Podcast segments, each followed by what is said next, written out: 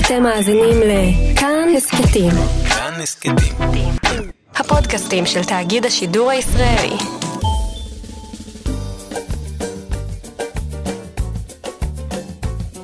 שישים החדש, עם איציק יושע.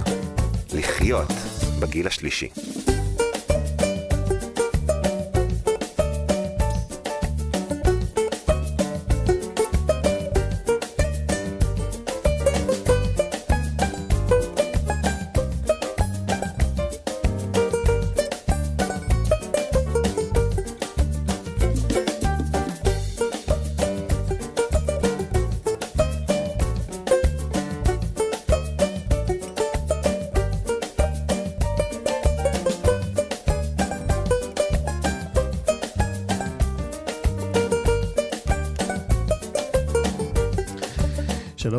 טוב לכם, מאזיני כאן תרבות. אנחנו במהדורת יום שלישי של 60 החדש.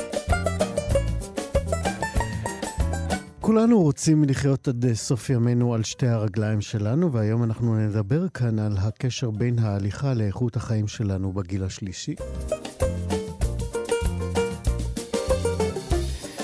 אלברט כהן הוא השחקן הגבר הזקן ביותר שעדיין פעיל על הבמות בישראל, וגם איתו אנחנו נבלה כאן הבוקר. וכשסבא לוקח את הנכדים להופעה של התזמורת האנדלוסית, זאת באמת חגיגה משפחתית. שלמה אסולין הסבא יספר לנו על החוויה.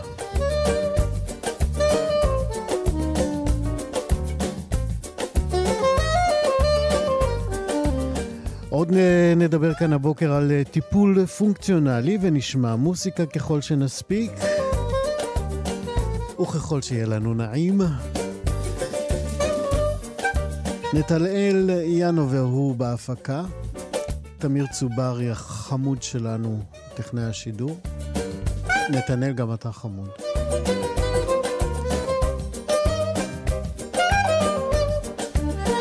אני איציק יושע איתכם כאן עד 12.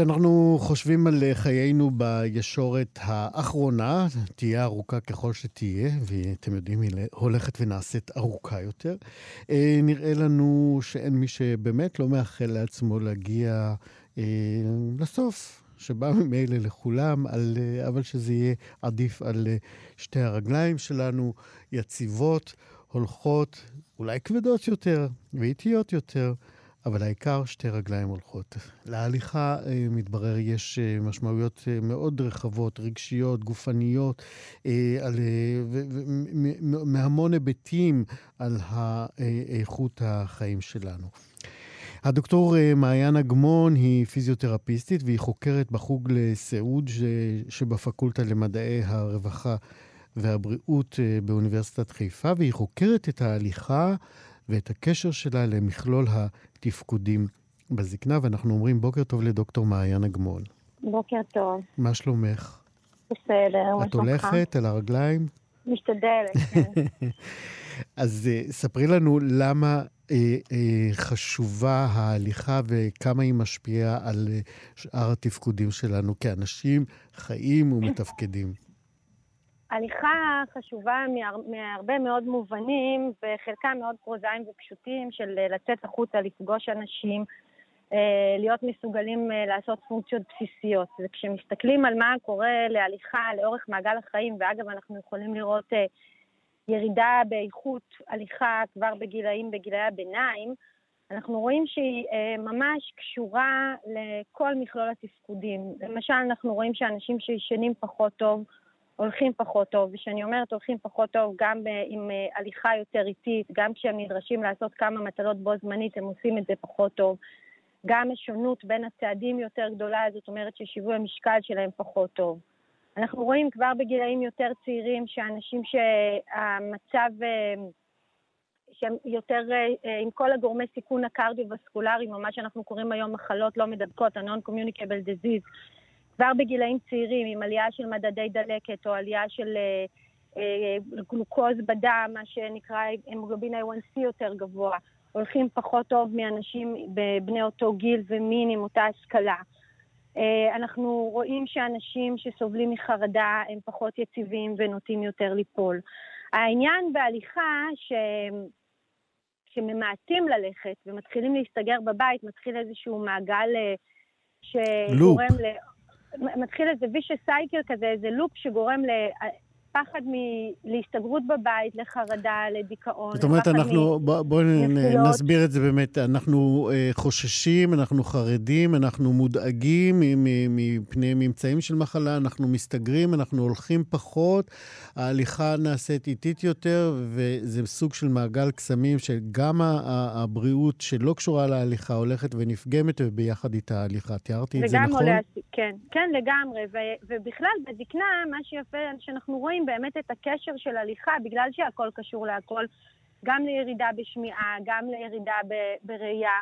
זה לא שאנחנו אומרים שהדברים הם אחד מוביל לשני, אבל ברגע שבן אדם פחות שומע, הוא הרבה פעמים נמנע מחברה של אנשים אם הוא לא מטפל בשמיעה, ואז הוא מסתגר יותר בבית, ואז הוא הולך פחות טוב, ואז הוא נכנס לדיכאון. התפקודים הם מאוד מאוד קשורים, ואנחנו רואים למשל בסביבת בית חולים, יש לנו אה, אחד המחקרים בסביבת בית החולים, שאנחנו רואים שאנשים שנכנסים לאשפוז, יש להם ירידה תפקודית הרבה מעבר למה שניתן להסביר על ידי המחלה שבגינה הם התאשפזו. וחלק מההסבר לזה זה מיעוט בהליכה. אנחנו רואים שכשאנחנו, גם מחקרים שלנו ועוד הרבה מאוד אה, אה, גוף גדול של מחקרים שמצטבר בשנים האחרונות מראה, שכשהולכים באשפוז, למרות שחולים, רק ההליכה עצמה יכולה למנוע ירידה תפקודית, לקצר ימי אשפוז, למנוע עלייה בסיכון לנפילות. זאת אומרת, ההליכה, מעבר לזה שהיא חשובה לכל מגוון התפקודים שדיברתי או, או וקשורה אליהם, היא גם איזשהו סמן, איזשהו מרקר התנהגותי להזדקנות. אנחנו, יש הרבה מאוד מחקרים שמראים שירידה במהירות הליכה בגילאים השונים היא מדד מנבא לעלייה בגיל ביולוגי לעומת גיל כרונולוגי, לתמותה, לתחלואה. אז. בואי בוא רגע נ, נ, נ, נשאר בגילים המוקדמים. דיברת באמת עכשיו, וגם קצת קודם הזכרת את זה, שבעצם גם בגילי הביניים מזהים ירידה בהליכה כאיזשהו סוג של תמרור אזהרה לירידה בתפקודים האחרים. מה בעצם צריך אה, אה, לדעת כדי אה, לא לגרום אה, לשאר התפקודים שנפגעים אה, לפגוע בהליכה, ולהפך, איך משפרים את ההליכה כדי לא לגרום הידרדרות בחלקים האחרים של הבריאות? אז מה שצריך לדעת בגדול זה התשובה להכל זה פעילות גופנית. לכל, בעצם הכל קשור בהכל, והעלייה בגורמי סיכון קרדיו-וסקולריים, קרדיו-מטאבוליים, לנון קומיוניקביל. דברי בעברית למאזיננו שלא בקיאים במונחים הרפואיים הארוכים האלה. כל העלייה בגורמי סיכון לתחלואה במחלות לב, בסרטן, מה שאנחנו קוראים גורמי סיכון למחלות לא מדבקות, כולם ניתנים למניעה על ידי אה, אותן שתי מילות קסם שקשות להשגה, שזה פעילות גופנית ותזונה נכונה. אני פחות מתמצאת בתחום של התזונה, למרות שיש לנו כמה מחקרים של שיתופי פעולה עם אנשים מתחום התזונה, אבל פעילות גופנית לעשות בכל גיל, לפי ההמלצות של ארגון הבריאות העולמי, ו/או לפי היכולת ומה שעומד לרשות האנשים. כשאני מדברת על פעילות גופנית, אני גם מדברת על פעילות גופנית אירובית, פעילות שמעלה דופק. שמרגישים שממש מזיעים, מזיעים במהלכה. מבחינת זמנים, בוא נגיד, אם הליכה של 20 דקות קצובות עושה את העבודה בכל יום? אז תראה, יש על זה, אנשים שואלים אותי אם אני הולכת בקניון 20 דקות זה עושה את העבודה, זה יותר טוב מלשבת מול הטלוויזיה, ללכת, בכל מקרה. אוקיי. אבל כשמדברים על פעילות גופנית, מדברים על פעילות גופנית שהיא לא רק בספירת צעדים, אלא... בעלייה של... העלאת לחץ הדם והדופק. העלאת דופק, להרגיש שמזיעים. מעבר לזה צריך תרגילים שהם תרגילים ספציפיים שמאתגרים שיווי משקל, ששומרים על גמישות של המפרקים, שדואגים לקואורדינציה, אבל בראש ובראשונה באמת תרגול אירובי, אנחנו יודעים שהוא גם מונע ירידה קוגניטיבית, הוא גם מעלה אה, את השיווי משקל, מוריד סיכון לנפילות, מונע, דיק... מוריד סיכון לדיכאון, מוריד חרדה. כל הדברים הטובים, וצריך כמובן בכל גיל, ובטח בגילי ביניים. עכשיו יצא מחקר גדול על מרתוניסטים שהתחילו לעשות מרתון בגילי ביניים ולא היו פעילים כל החיים, ואפילו בגילאים יותר מאוחרים, 60 ומעלה, ורואים שהם מגיעים לביצועים וגם לנתונים פיזיולוגיים כמו של אנשים שהתאמנו כל החיים. זאת אומרת, מה שאני מנסה להגיד זה לא לדחות את זה, אלא בכל גיל לעשות כמה שאפשר, ואפשר לשמר את מה שיש בזכות זה. אפשר להתייחס לזה גם כאל אה, אמ, פעילות אה, מניעתית אה, מפני הידרדרות... חד משמעית. כן. פעילות, כשמדברים על סיכון לאלצהיימר ואיך למנוע אלצהיימר, היום יודעים שאחד הדברים שהכי מונעים אלצהיימר זה פעילות גופנית. מעבר לתרגול קוגניטיבי ומפגשים חברתיים ותמיכה חברתית וכולי, שהם חשובים.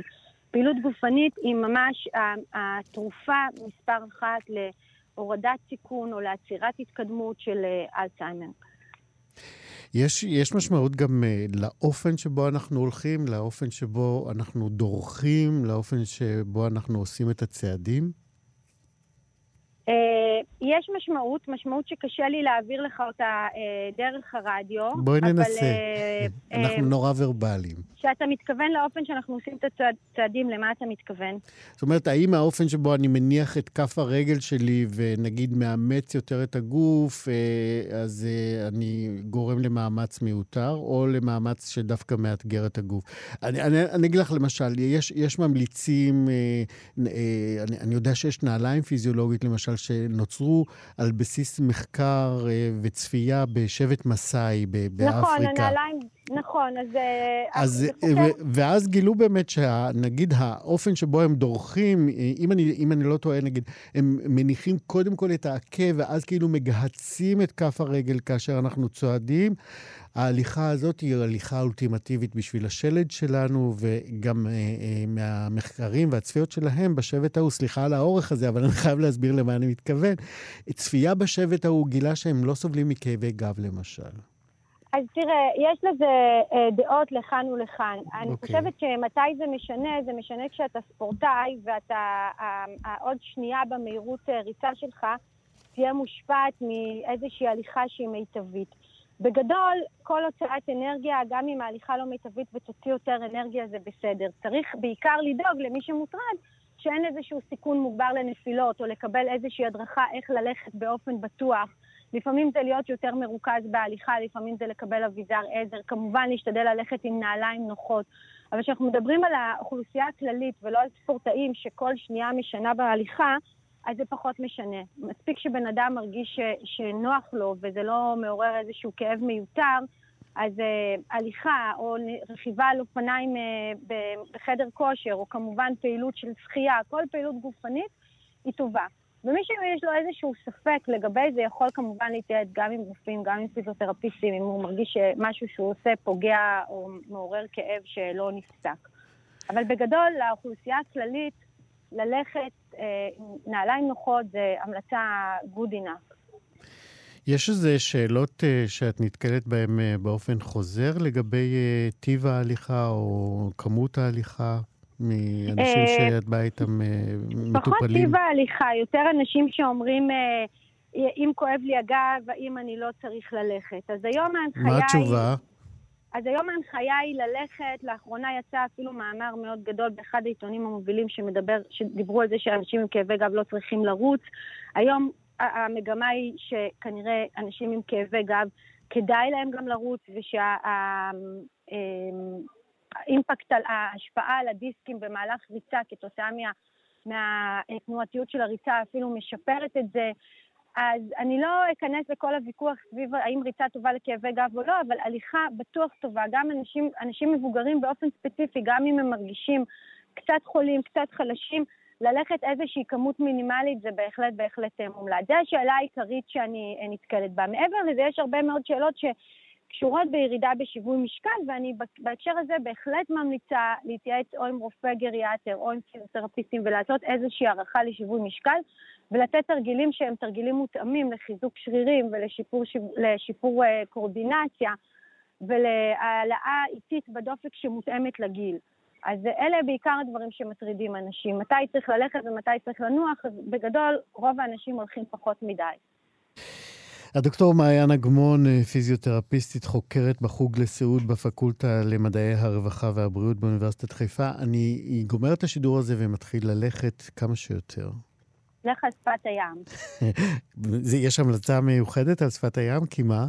לא, סתם זה נראה לי מרגיע, אה. ואולי תראה את האופק, מה אוקיי. שלא תמיד אנחנו מצליחים לראות כן. בזהירות. אה, כן, בימים האלה אני חושב שיש הרבה אנשים שזקוקים להירגע. תודה רבה לך על השיחה הזאת. בשמחה. להתראות. ביי ביי. 60 החדש. תזוז כבר בטלן, נו תביא לכאן כאן טף כאן. טף טף טף. אתה ממליץ מסיה. כך זה לא רע, ואם לא תגיד תודה, אז שמי לא תנרדיה. תן לי איזה רום, אה. רוך כבר בעלמום. תוך שנייה חרבון, תוך שנייה אדון!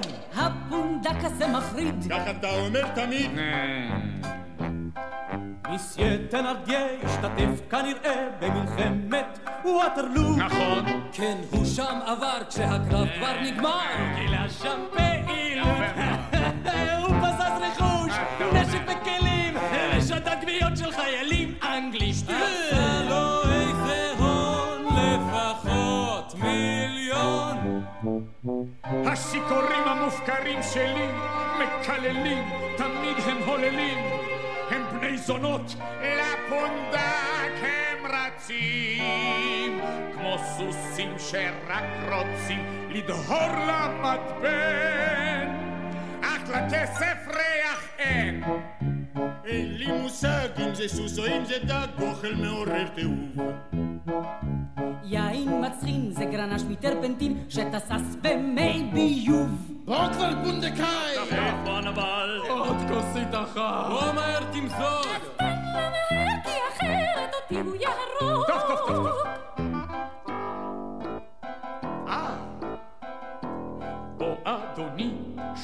כי תאהב את הפונדק ואת בעליו. הפונדקים האחרים הם רק דופקים אורחים ומחירים. זה נדיר לפגוש איש ישר כמותי, שכל כוונותיו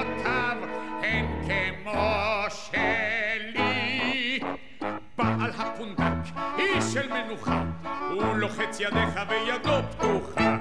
מספר בדיחה, את הזמן מנעים, כל אחד הרי אוהב שמחת חיים. את ידי מושיט לרע, לא עולה להיות חמוד. ואפס הוא רק אפס, אך לכל דבר מחיר צמוד. בעל הפונדק, מאלף חיות, מחלץ בן רגע כמה מטבעות. המשקה מהול, מחיריו מתאים, תכשיטים אוסף לו שכולם... קשה, קשה לטעות בקול הנהדר הזה של האורח הבא שלנו. אנחנו שומעים את בעל הפונדק מתוך המחזמר עלובי החיים. הקול הזה שאתם שומעים אה, הוא של אה, שחקן אדיר שהוא מחזיק בשיא מאוד מאוד מכובד. הוא השחקן הגבר המבוגר ביותר שפעיל היום. הוא מופיע גם כשהוא כמעט בן 88 במלוא אונו, ולא בהצגה אחת, לא בשתיים, לא בשלוש, אלא בחמש הצגות, לא פחות. אה, אנחנו ממש אה, אה, שמחים לארח כאן את השחקן אלברט כהן. בוקר טוב. בוקר טוב, בוקר טוב. מה שלומך הבוקר? תודה, תשמע, אם אני עדיין חי ואני עדיין פעיל, הכל בסדר. אנחנו נורא שמחים שאתה איתנו, ואנחנו משמיעים את בעל הפונדק כי זה מה שביקשת מאיתנו. אה, בהחלט. אה, למה אתה קשור דווקא לשיר הזה מתוך הקריירה הענקית שלך? אני אגיד לך מה, במקרה יוצא ככה שאני כבר איזה 60 שנה בארץ, משהו כזה. אני באתי מבולגריה, אני לא הייתי ילד שם, אני הייתי אה, בגיל 20, 21, משהו כזה. כן. אחרי ששיחקתי כבר שם ארבע שנים. בתיאטרון אה, בסופיה, נכון? על שם בתיאט- סטניסלבסקי. סטניסלבסקי בדיוק, ועם עוד חבר שלי שלקצת כבר איננו, אבנר חזקיהו, הגענו ביחד איתו, שחקן, שחקן נהדר, וממש כואב לי הלב שהוא כבר איננו.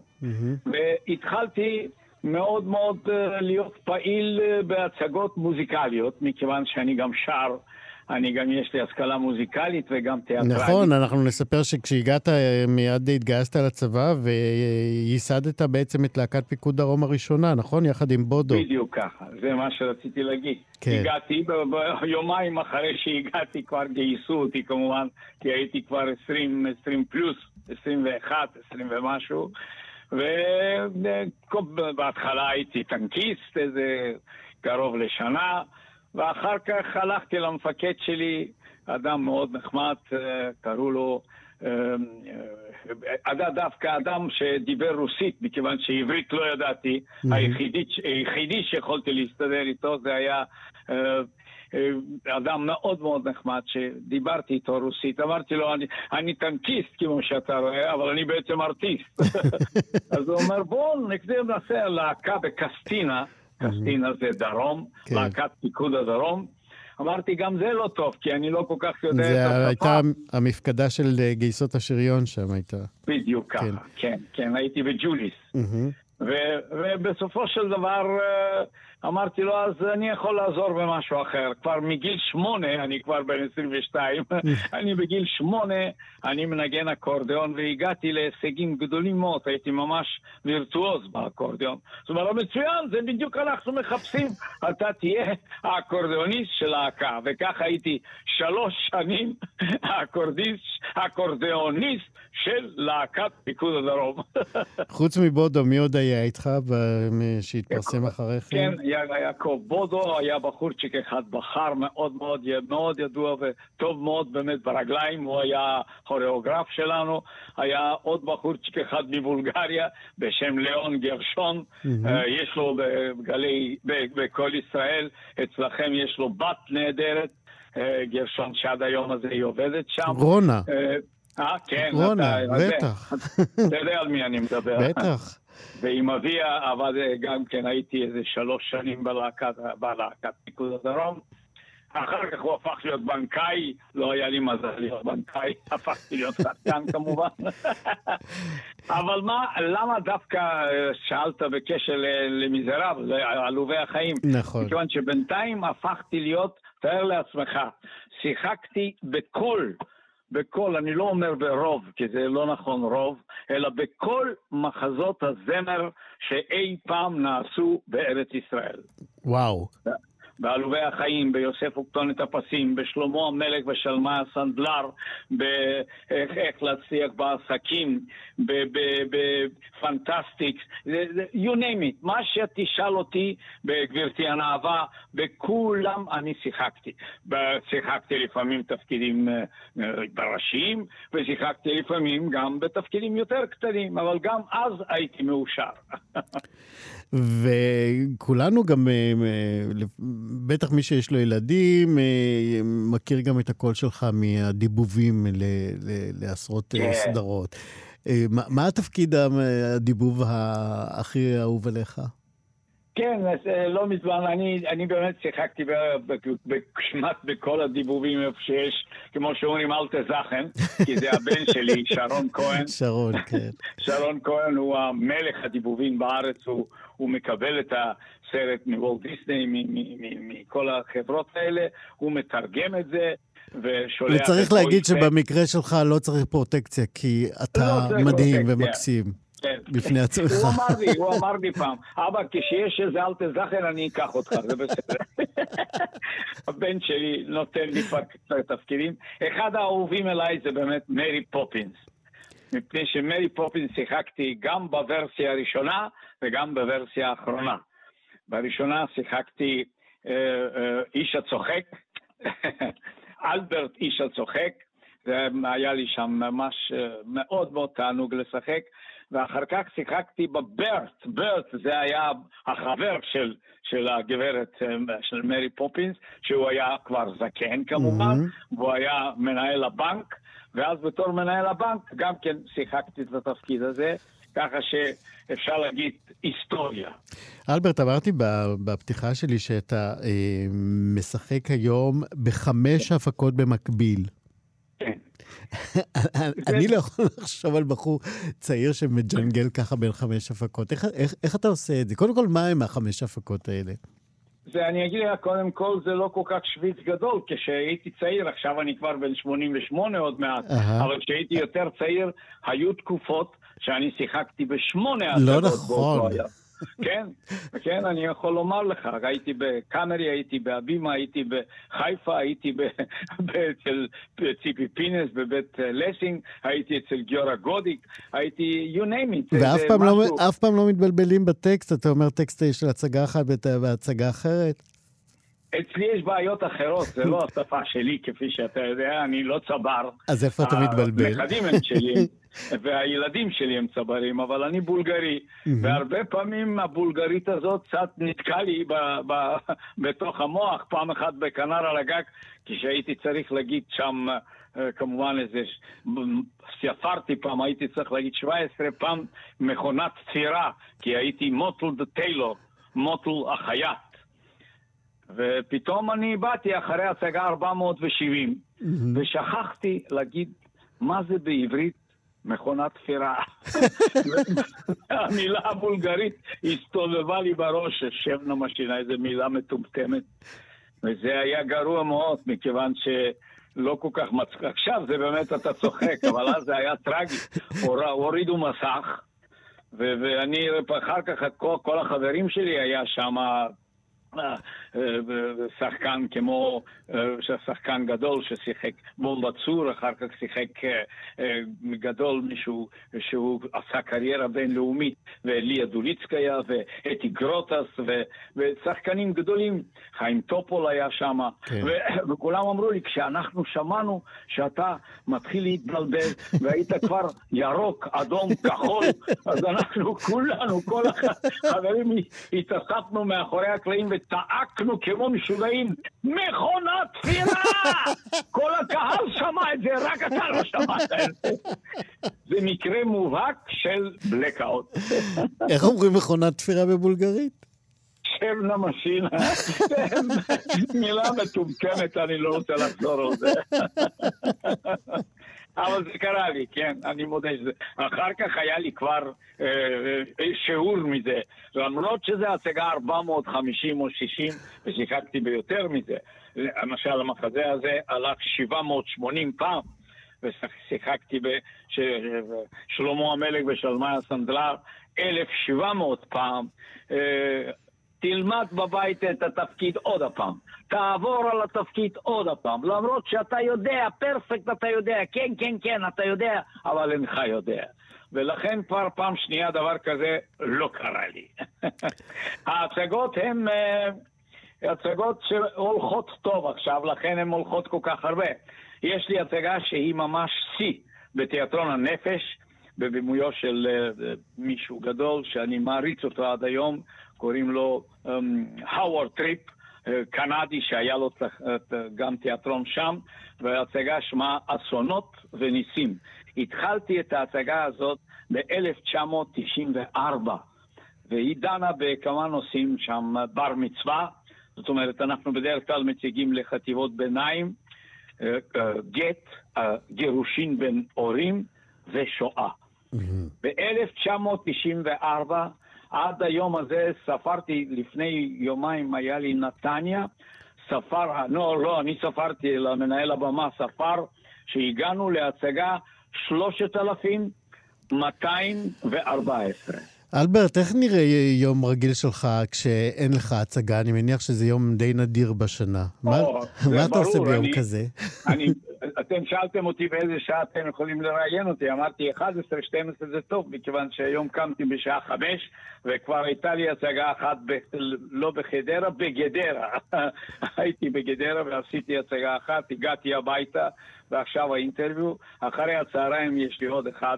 אה, זה למזלי לפעמים זה חולון, לפעמים זה בת ים, אבל לפעמים זה גם אה, מעלה אדומים, ולפעמים זה לפני איזה שבועיים הייתי בקצרין. זה נסיעות בלתי פוסקות, צריך לקום בשעה חמש בבוקר ולגמור את, ה, את החיים היומיים שלך בערך בשעה שתיים וחצי, שלוש. רק אז אני אוכל ארוחת ערב. ואז אני גם מזריק מכיוון שאני חולה סוכרת, זאת הזריקה האחרונה שלי. ואני קם בשעה חמש וחצי, שש. אלברט. כהן, אתה כל כך מלא חיים ו- ושמחה, ומדביק את כולנו בשמחה ובחיות הזאת. אנחנו מקנאים בך על, אה, ומאחלים לך חיים ארוכים ומלאים ומשמחים. רק שיהיה מצב טוב ובריאות, שיהיה כן, בריאות. כן, כמו שאתה מתאר אותם עכשיו. אלברט כהן, השחקן הוותיק ביותר על הבמות שלנו כאן, תודה. רבה על השיחה הזאת, אנחנו נשמע עוד... גבר, יש לנו שחקניות יותר. אמרתי שחקן, כן, השחקן הגבר, כמובן, יש לנו את ליה ואת. אה, מרים, וכן, כמובן. מרים זוהר גם, כן, אמרתי. הקידר, יש... הדור, כאילו, העדין הוא הרבה יותר חזק כן. מהדור שלנו. כן, כולכם, כולכם שתהיו לנו בריאים ועד 120. תודה רבה. אנחנו תודה. נשמע עוד קצת מבעל הפונדק בעלובי החיים יחד יופי. איתך. אלברט תודה כהן, תודה. רבה, להתראות. יופי. על הפונדק, מאלף חיות, מחלץ בן רגע כמה מטבעות. המשקה מהול, מחיריו מתאים, תכשיטים אוסף לו כשכולם שטויים. כל אחד אוהב קצת כוח, כל אחד אוהב ידיד. אני נעים ונוח, אך בסוף מכניס להם תמיד. בעל הפונדק, לא מזמין פניו, לא מוכן שמישהו יסח עליו. טוב לעניים, טוב לעשירים, איש מופיע בסוף בין חברים,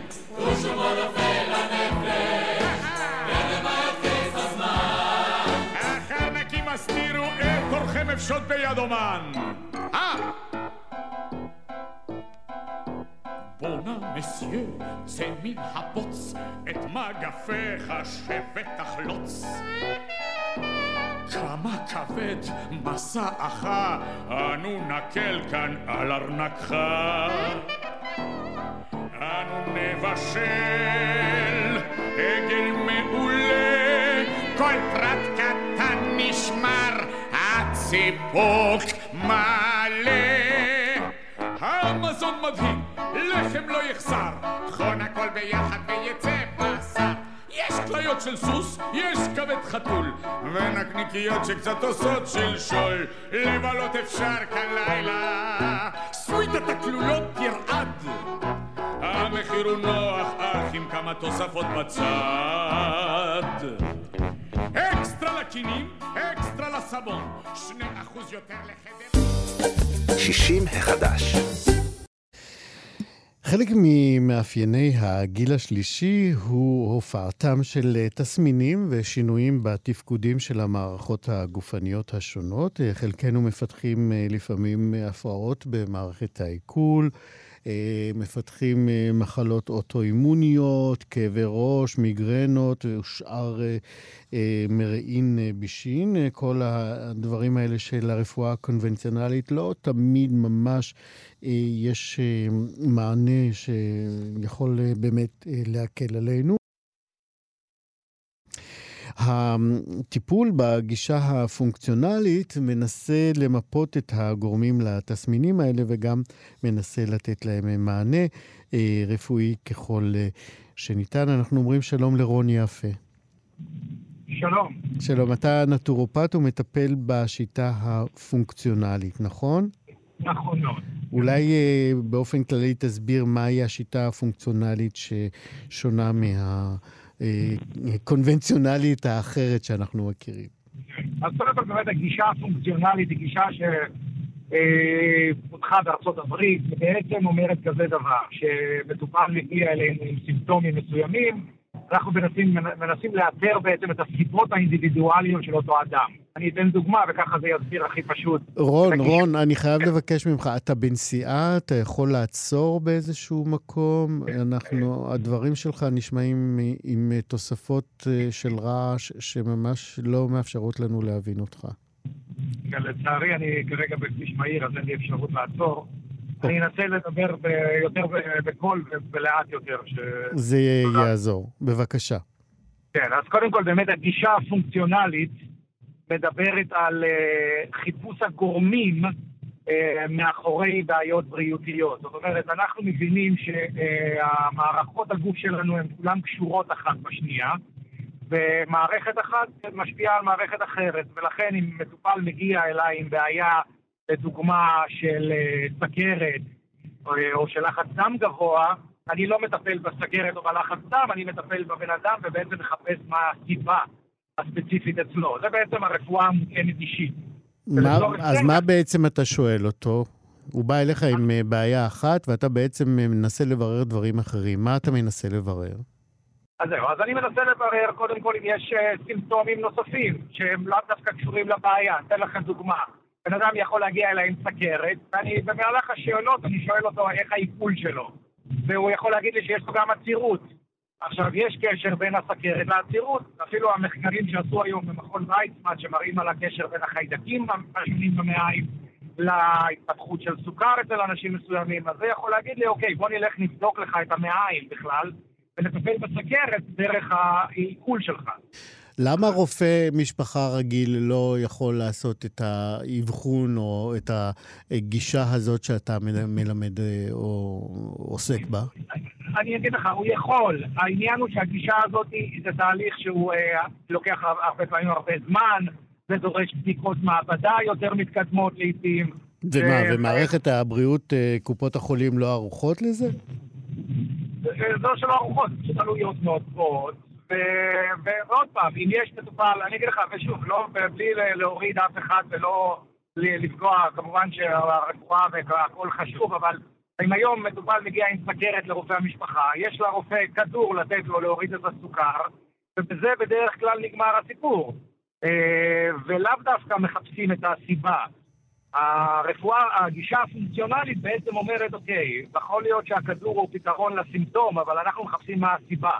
והסיבה הזאת זה דורש מרופאי המשפחה, וזה לא שאין, יש גם רופאי משפחה שמתעסקים קצת בתחום הזה וכן מתחילים לאמץ את הגישה, מהמם. אבל עדיין זה דורש הרבה יותר מעקב, הרבה יותר פגישות, הרבה יותר בדיקות.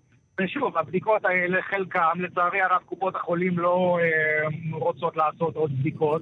תן לי דוגמה לבדיקות שקופות החולים אה, נמנעות אה, מלתת אותן. ש... אז למשל מה שאמרתי עכשיו, הבדיקה למערכת העיכול. בקופת חולים תעשה לך גסטרוסקופיה, קולונוסקופיה, אם יש לך מחלת מעיים רצינית או משהו. לא, גם עושים את אה, זה בתהליכים מניעתיים. קולונוסקופיה, כן. אני יודע, ממליצים מגיל 50 לעשות כל עשר שנים או כל חמש שנים. נכון, אבל אה, זה כמניעה, אבל אני מדבר על מישהו שסובל מבעיה, ואז ישלחו אותו לעשות בקולונוסקופיה, אבל אף אחד לא ישלח אותך לעשות קולונוסקופיה, או ישלח אותך לעשות בדיקת צואה אה, בקופה, אה, אם יש לך סכרת. ושוב, המחקרים כן מראים קשר עליהם, ולכן יש אה, היום מעבדות פרטיות שמספקות את השירות הזה. אני מקווה שבעתיד כן זה ייכנס לקופות החולים, וקופות החולים כן יוכלו לעשות את הבדיקות האלה, וזה יהיה כן אה, נגיש לכולם, אה, וזה יהיה בעצם הסטנדרט אוף קיר החדש, ולא רק הטיפול בסימפטומים. אתם מנסים להכניס אותם אה, לתוך אה, מערכת הבריאות של קופות החולים? אנחנו כל הזמן, אני, אני למשל עוסק המון בהדרכה. אז זאת אומרת, אני מעביר קורסים לרופאים, למטפלים, לאנשי מקצוע, ודרך האנשי מקצוע, במיוחד רופאים למשל, יש לי כמה רופאים שהם בקורס שלי, אז הם בעצם יכולים להכניס את זה יותר לתוך המערכת. אז אה, רק אה, אני מנסה לקדם את, ה, את המודעות לגישה. ומה כן, התגובות כן. שאתה נתקל בהן אה, אצל אנשי המקצוע, רופאים, רופאי משפחה, רופאים מקצועיים אחרים? אז שוב, מאוד מאוד תלוי ברופא עצמו. יש הרבה רופאים שמאוד מתעניינים ו- ורואים בזה איזשהו מענה לפתרונות שהרפואה הקונבנציונלית אין להם מענה. ו- ויש מקרים כאלה גם כן שהרפואה, אני נתתי לי קודם דוגמה של הסכרת שהמטופל מקבל כדור ומבחינת הרפואה הקונבנציונלית הוא מסודר והכל בסדר, אבל בוא ניתן לך דוגמה, מטופל שסובל מסכרת והכדור הקונבנציונלי לא עוזר לו. אז פה אנחנו מנסים לחפש את הסיבות, וכן יש כבר רופאים שמתחילים להכיר בזה ו- ולקבל את זה, אבל זה עדיין, אה, עדיין נחשב אלטרנטיבה. מהם התופעות היותר שכיחות שמגיעות אליך לטיפול? אז אה, באמת הרבה בעיות של עיכול, של מעיים, של מעי רגיז למשל, של עצירויות, אה, של כאבי בטן, דברים כאלה, שדווקא במקרה הזה המטופל עשה בדיקות אה, בקופת חולים, ועשה קולונוסקופיה, ועשה גסטרוסקופיה, והכל יצא תקין.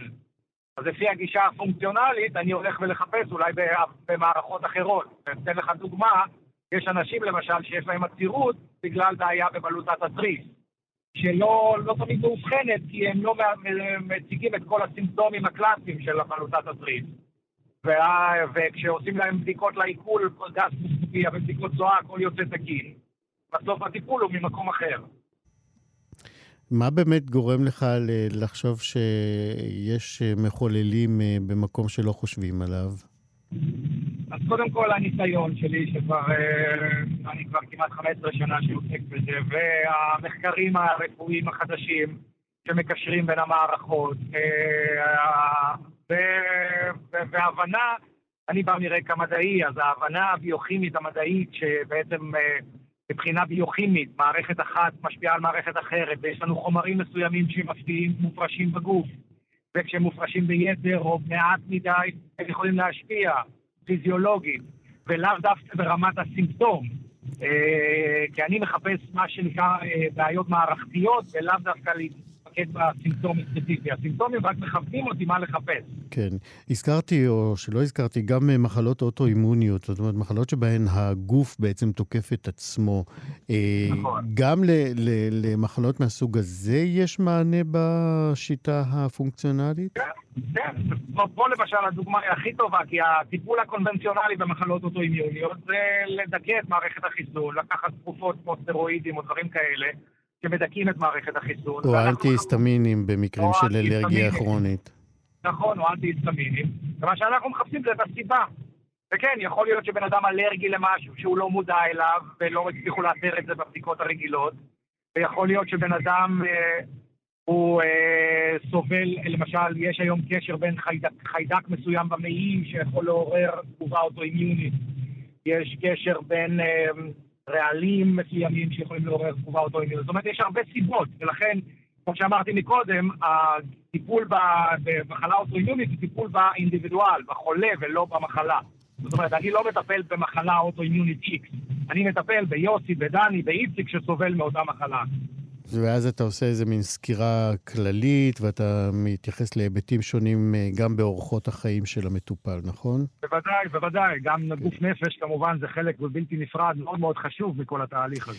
איזה תרופות uh, משתמשים בהן? גם uh, תרופות קונבנציונליות או אחרות? אז, אז בגלל שאני נטורופט, אני לא משתמש בתרופות קונבנציונליות, אלא בתוספי תזונה, צמחי מרפא לעיתים, הרבה שינויים תזונתיים, יש הרבה דברים שאפשר לעשות עם האוכל, אז יש כמה אפשרויות. טוב, יפה. אנחנו למדנו משהו על uh, טיפול בשיטה הפונקציונלית. Uh, רון יפה, נטורופט, הוא מטפל בשיטה הזאת.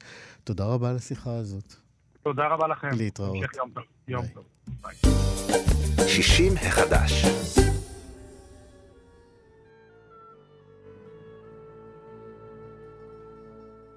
הייתי שמאמר לא אין כמוה בעולם.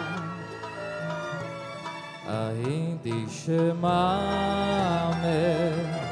ומה אומר כשהיא. מלא הבית באורה כשהאימה בו, אך פתיל חייה חושך וצל מוות בו. הייתי שמאמר, לא אין כמוה בעולם.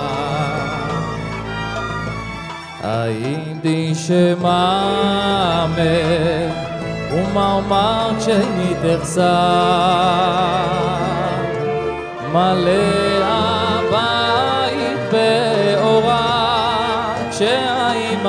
בו. מלא הבית באורה, כשהאימה בו. אנחנו שומעים מחרוזת אה, שירי אימא בכמה שפות אה, של התזמורת האנדלוסית אה, הישראלית אשדוד. עוד מעט תסביר, אנחנו נסביר לכם למה, רק אנחנו נספר לכם שאנחנו כולנו בעצם עמלים כדי למלא את חיי הגיל השלישי ב... תכנים ובתפקידים חדשים, אבל יש כמה תפקידים מסורתיים שרבים מאיתנו שמחים להמשיך ולמלא אותם, למרות שיש לנו אה, כבר אה, תוכניות חדשות. אני מדבר על אה, משהו כמו פשוט לבלות אה, שעות איכות עם הנכדים, שהמון אה, סבים וסבתות אה, אה, אוהבים לעשות את זה, אה, בצד הפעילויות האחרות שהולכות אה, ונערמות אה, בחייהם. שלמה אסולין הוא סבא ל-17 נכדים, כן ירבו, הוא מנוי של התזמורת האנדלוסית הישראלית אשדוד, זאת שאנחנו שומעים. ושלמה הצליח להדביק את נכדיו באהבתו למוסיקה האנדלוסית, והיציאה לקונצרטים הפכה לבילוי משפחתי של סבא ונכדים. אה, ובזמן האחרון בכלל יש גם סדרה חדשה לילדים, שגם מארחת אה, קרקס, ולקראת פורים יש אה, מופע של מסכות בסגנון הקומדיה דל ארטה. אז סבא והנכדים שלו ממש נהנים, ולכן אנחנו אומרים שלום לסבא המשקיען שלמה אסולין. שלום. שלום וברכה. מה שלומך? יוצא מן הכלל טוב, ברוך השם, אחרי הקדמה כזאת אני יכול רק לרבות נחת. הנה, אתה רובה נחת ואנחנו רובים נחת ממך, כי אני מבין שמחר אתה לוקח את אה, ידידיה, את שלום ואת נצר להופעה של התזמורת, נכון? כמעט מחר, ביום חמישי. אה, זה ביום חמישי. כן, מחר זה בתל אביב. מחר בתל אביב, אה, ואתם הולכים להופעה שבאשדוד, בבית יד לבנים. נכון. נכון. מתי התחלת להתעניין במוסיקה אנדלוסית? אמ, האמת היא שנולדתי לתוך הדבר הזה. אמ, אני יליד מרוקו, אז זה לא זר לי, אבל נכנסתי לזה ממש חזק ב-12-14 שנים האחרונות. ומתי אה, הדלקת את הנכדים על זה? אמ, האמת היא שמרגע שהאנדלוסית התחילה עם הסדרה של הילדים, מאז אנחנו מנויים. הם מאוד מאוד מאוד אוהבים מוזיקה. ומתחברים לכל, לכל סוגי המוזיקה, לאו דווקא אנדלוסית, והם מאוד צמחו. אה, זה היה שילוב מנותח. אתה גם מלמד אותם על אה, תולדות המוסיקה הזאת, על המקום שלה בתרבות של יהודי מרוקו? האמת היא שלא באופן אה, אה, יזום, אבל אה, השאלות האלה עולות אחרי כל קונצרט, אז אני אומר מה שאני יודע. לא הכל אני יודע כמובן. מה הם רוצים לדעת? מה הם שואלים למשל? הם שואלים קודם כל על הכלים, זה מאוד מעניין אותם. דרך אגב, זה אחד הדברים היפים שהם עושים שם, אחרי כל uh, uh, קונצרט כזה הם חוזרים מלאי חוויות ומספרים על כל הכלים שהם ראו, ומה כל כלי עושה, ומתחילים כבר להכיר אותם. ואז הם מתחילים להתעניין בפיוט כזה או פיוט אחר שאומרים מסעודת שבת, מה זה אומר, מה, מאיפה זה מגיע. אם אני יודע להסביר, אני מסביר, אם לא, אז אני פשוט שר איתם. מה למשל? יש איזה פיוט שלימדת אותם, שאהוב עליך? אה, זה פיוט שנקרא יפה ותמה, שהוא היום הוא מאוד אה, אה, נפוץ, שאני חייב לומר שאפילו הנכד הבוגר יודע את כל המילים יותר טוב ממני. אז אולי תיתן לנו שורה ממה שאתה כן זוכר. אה, מה, לשיר? כן. יפה ותמה תורה תמימה הנעימה מי יוכל אליה מכבסודך סוד אלוהים חיים. שלמה אסולין, אתה שר מקסים. איזה יופי. תודה רבה. הנכדים שלך בטח אה, מבקשים סבא תשאיר עוד, לא? אה, לפעמים, תראה, כמו כל נכדים, הם אוהבים גם את זה, והם גם אוהבים לשחק, והם אוהבים להשתולל, וכשהם בקטע של השתוללות, אז זה לא כל כך מעניין אותם לשיר. אבל כשהם יושבים בסעודת שבת, אז בהחלט שכן, הם מצטרפים כולם בהנאה גדולה. תגיד, איך, איך אתה בוחר אה, איזה מהנכדים לקחת? אמרתי שיש לך 17, כן ירבו. אה, אין תחרות? מי בא עם סבא? לא, לא, אין תחרות, כי... חלק מהנכדים קטנים מדי, mm-hmm. ועדיין הם לא בעסק. חלק מהנכדים, ההורים שלהם אה, לא מסכימים אה, שיבואו לסוג כזה של הופעות מסיבות דתיות. מה זאת אומרת? ו, אה, זה, יש שם, אה, יש לי בת שהיא מאוד חרדית, זו לא הבת שהייתה אה, ילדים שאני לוקח, mm-hmm. והם לא הולכים למופעים מהסוג הזה. אז, אה, אבל כשאחרים יגדלו, אני אציע להם בשמחה. הבנתי. מה, מה עוד אתה, אתה אה, מספר להם במהלך היציאות האלה גם אה, דברים שלא קשורים למוזיקה, על המשפחה, על תולדות המשפחה? בוודאי, בוודאי, בוודאי. סבתא רבא שלהם גרה באשדוד, ואנחנו מנצלים את זה לעוד ביקור שם. אה, בכלל, בלי שום קשר לאנדלוסית, זה מבחינתי זמן איכות של שש שעות עם כל הלוגיסטיקה שמסביב, להביא אותם, להחזיר אותם אה, וכולי, שמבחינתי זה, זה, זו הנאה צרופה. ואני חושב שגם הם. אז אתה ממליץ להרבה סבים וסבתות אה, לעשות אה, בילויים אה, משפחתיים אה, מוסיקליים כאלה. ללא צל צילו של ספק. זה לא. חייב להיות אנדלוסי, זה יכול להיות גם קלאסי, אבל זה, זה מסוג הדברים שממש, הם, הם, הם פשוט, אני יודע שהם מחכים לזה, הם, הם, הם, הם, הם, אה, אה, נרגשים לקראת זה, ואחרי זה לוקח להם בערך איזה שלושה שבועות, ארבעה שבועות, לפרוק את החוויות, לספר, כל פעם הם נזכרים במשהו אחר. הם מאוד מאוד ממתינים לדבר הזה. וגם אתה, מן הסתם, מחכה. אני אמרתי, זה לא חוכמה, אני, אני, אני משוחד. ואמרתי, מבחינתי זו הנאה צרופה, זה ממש אה, כיף. הם גם ילדים חכמים, ממושמעים, נהנים. מה יותר כיף מזה? נשמע שאתה ממש אה, אוהב את התפקיד של סבא. חד משמעית. שלמה אסולין, הסבא שלוקח את הילדים ל- להופעות של התזמורת האנדלוסית הישראלית אשדוד. כן ירבו סבים כמוך, וכן אה, תבלו ותהנו אתה והנכדים. אנחנו נמשיך. לשמוע עוד קצת מהמחרוזת הזאת אה, בכמה שפות. תודה רבה לך, שלמה אסולין. ביי ביי. להתראות. הייתי שמאמר, לא אין כמוה בעולם. הייתי שמאמר, ומה אומר כשהיא תחסר? מלא הבית באורה כשהאימה בו אך גיל חייה עם חבה חושך וצל מוות בו הייתי שמאמר לא אין כמוה בעולם. הייתי שמאמר ומה אומר כשהיא תחסר? מלא הבית באורה כשהאימה בו הבית באורה כשהאימה בו עם הצלילים האלה של התזמורת האנדלוסית אשדוד, אנחנו מסיימים אה, עוד אה, תוכנית של 60 מחדש. תודה רבה לתמיר אה, צוברי, שהיה על הביצוע הטכני, טכנאי השידור שלנו.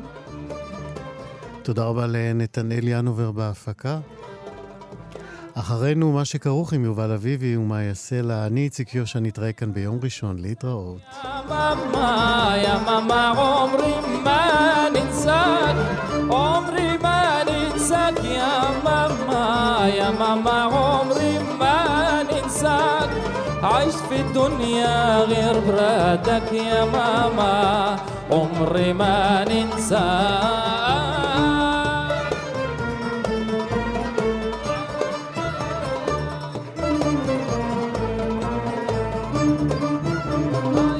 تسعة شهور حملتيني آه بشكالة دنيا جبتيني يا ماما بحليبك حيتيني يا ماما